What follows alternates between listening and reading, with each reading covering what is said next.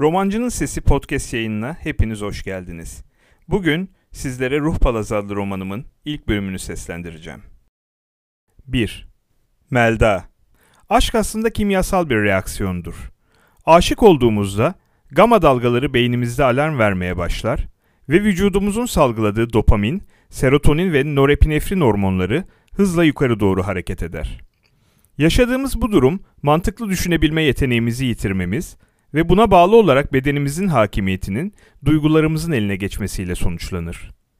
Dopamin fazlası yüzünden aşık olduğumuz kişiden başkasını düşünemez hale gelir, serotoninin etkisiyle sahte bir mutlulukla dolar ve norepinefrin ürettiğimiz için de yemeden içmeden kesiliriz.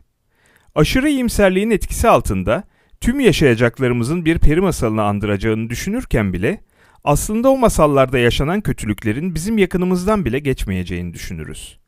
Ya da bunun gibi bir şeyler işte. Terk edilmemin öncesinde yaşadıklarıma bilimsel açıklamalar getirme telaşında değildim. Mutluluğu sorgulamayı hiç düşünmeyen insan, mutsuz olduğunda arkasına sığınabilecek mazeretler aramaya başlıyordu.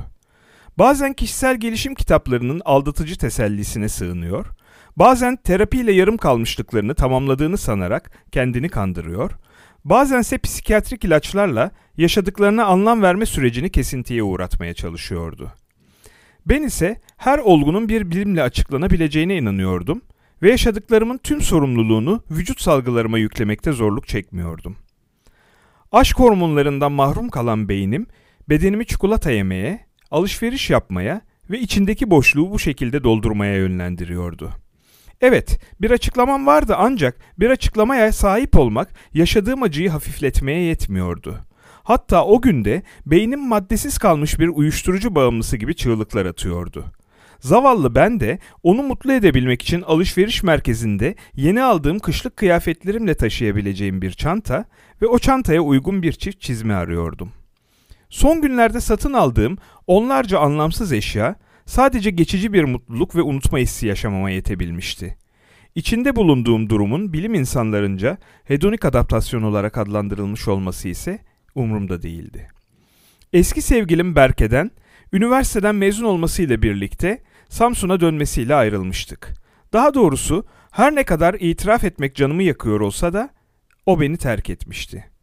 O gittiğinden beri kendimi ölüme mahkum hissediyor, dinlenmedik acıklı şarkı bırakmıyor ve televizyondaki komedi programlarının tekrarlarında bile ağlıyordum.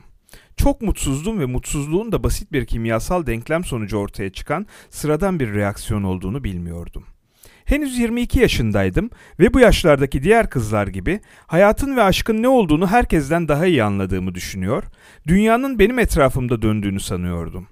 Diğer bir yandan da içine düştüğümde boğulduğum derin ve karanlık bir güvensizlik hissini her gittiğim yere beraberimde götürüyordum.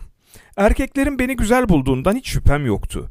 Birçoğu bana yaklaşmayıp uzaktan aç gözlerle bakarak bunu belli ediyordu. Aynaya baktığımdaysa 1.79 boyundaki sarışın, yeşil gözlü ve uzun saçlı bu kızı fazla çilli, fazla somurtkan ve fazla çelimsiz buluyordum.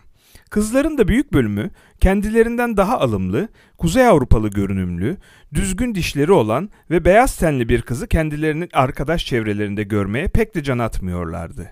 Onlar için hemcinslerine karşı duydukları kıskançlık diğer tüm duygulardan daha ağır basıyordu.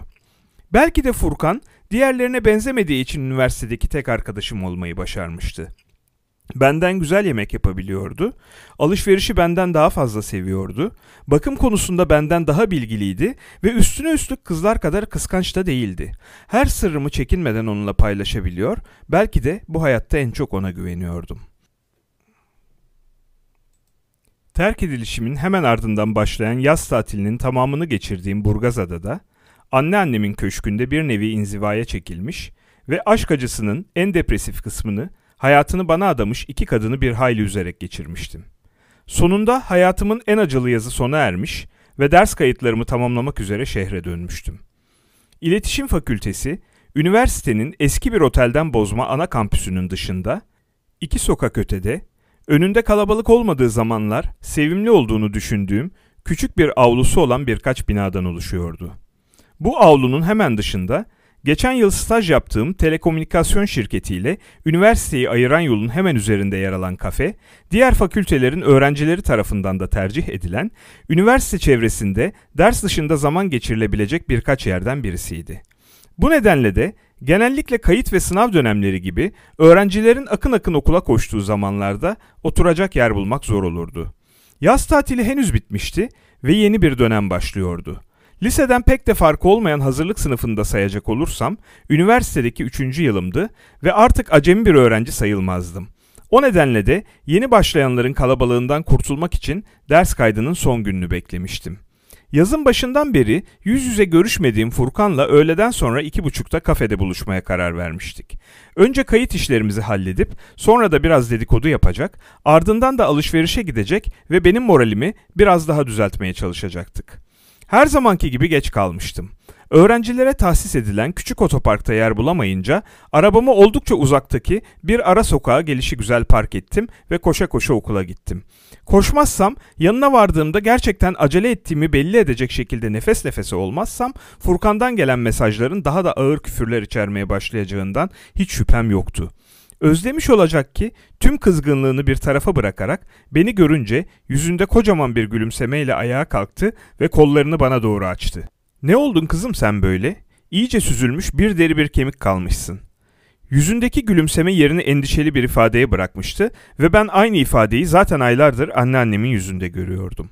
Diyet yaptım diye yanıt verdim. Bunu sesini kesmesi ve ebeveynlik taslamayı bırakması anlamında söylediysem de Furkan'ın kendini olmayan annemin yerine koyup bana kol kanat germeye başlamasından kurtulamayacağımı biliyordum. Vermiş olduğumu düşündüğü kiloları bana geri aldırana ve sağlığımın yerinde olduğuna emin olana dek pes etmeyecekti. Bu yüzden direnmemin de bir anlamı yoktu. Önce bir pollo ayı fungi, ardından çikolatalı cheesecake ve yaz boyunca kaçırmış olduğum her konuyla ilgili bolca dedikodu. Ağzından çıkan her kelimeyi ve hakkında sohbet ettiğimiz herkesi özenle seçiyordu. Konunun dönüp dolaşıp Berke'ye gelmesinden apaçık kaçınıyordu. Zaten en başından beri onunla olan ilişkimi hiç onaylamamış, hatta birçok zaman benim yaptığım aptallıklara kahrolmuştu. Aşk denilen virüs bir genç kızın bedenine girdiğinde ilk olarak görme duyusu üzerinde etkili olarak karşısındakini olduğu gibi değil de dünyanın en yakışıklı, en karizmatik, en dürüst, en güvenilir, en seksi, işte ne bileyim beyaz atlı prensiymiş gibi görmesine neden oluyordu.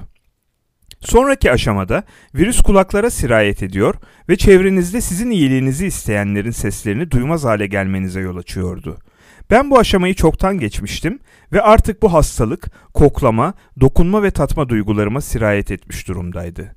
Hissetmiyordum, aşkın kokusunu özlüyordum ve yaşamdan tat almıyordum. Berke oldukça içine kapanık, kendi halinde, okuldaki diğer kızların varlığını bile fark etmediği türde sıradan görünen bir çocuktu. Onunla geçen yılın ilk vizelerinde karşılaşmıştık. İyi hazırlanmadığım bir sınavdı ve sınav boyunca ben kağıdına bakmaya çalıştıkça o kağıdın üstüne kapanmış, yazdıklarını görmemem için elinden geleni yapmıştı. Öyle çok sinir olmuştum ki sınav çıkışında peşinden kütüphaneye kadar gitmiştim kavga etmek için. Kendin çalışsaydın kızım demişti. Ben dördüncü sınıfım ve alttan kalan tek dersimi senin gibi tikiler için riske edemem. O an onu öldüresim gelmişti ama ben daha zor yolu tercih ederek kendimi öldürdüm. O sinirle onu aklıma taktım ve bir daha da çıkaramadım. Furkan sürekli olarak aşık değilsin kızım sen hırs yapıyorsun dese de ben düpedüz aşkımdan ölüyordum. Peşinden koşup o kaçtıkça daha çok aşık olduğumu sanıyordum. O zaman daha çok koşuyordum ve o da daha hızlı kaçıyordu. Bu kaçanı kovalama oyununun aşk olduğunu sananlar devasa bir yanılgı içindeydiler. Seven niye kaçsındı ki? İnsanın kaçmak için sebepleri olmalıydı. Suzan sebepler değil hem de. Sevmemek gibi, aldatmak gibi ya da ne bileyim CIA ajanı olup gizli bir görevle kimlik değiştirerek 4 sene geri zekalı gibi üniversitelerin arasında okumak gibi bir sebep. Yoksa karşılıklı sevgi olunca insanların arasında kopmaz bir bağ oluşurdu. Mıknatıs gibi birbirlerini çekerdi insanlar. Ayırıp farklı köşelere koysalar bile bir yolunu bulup birbirlerine yapışırlardı. Aşk iki bin parçalı bir puzzle haline getirirdi insanı. Bin parçası sen, bin parçası o. Sadece tüm parçalar bir araya geldiğinde anlamlı bir bütün oluşurdu. Berke ile ben ise on parçalı bir 0-5 yaş oyuncağı bile değildik. O tek parçaydı. Aşkın ne olduğunu asla öğrenemeyecek bir kalas parçası. Bir süreliğine de olsa onu yakaladığımı sandım ama yanıldım. Okulu bitti ve hiç ardına bakmadan beni terk edip gitti.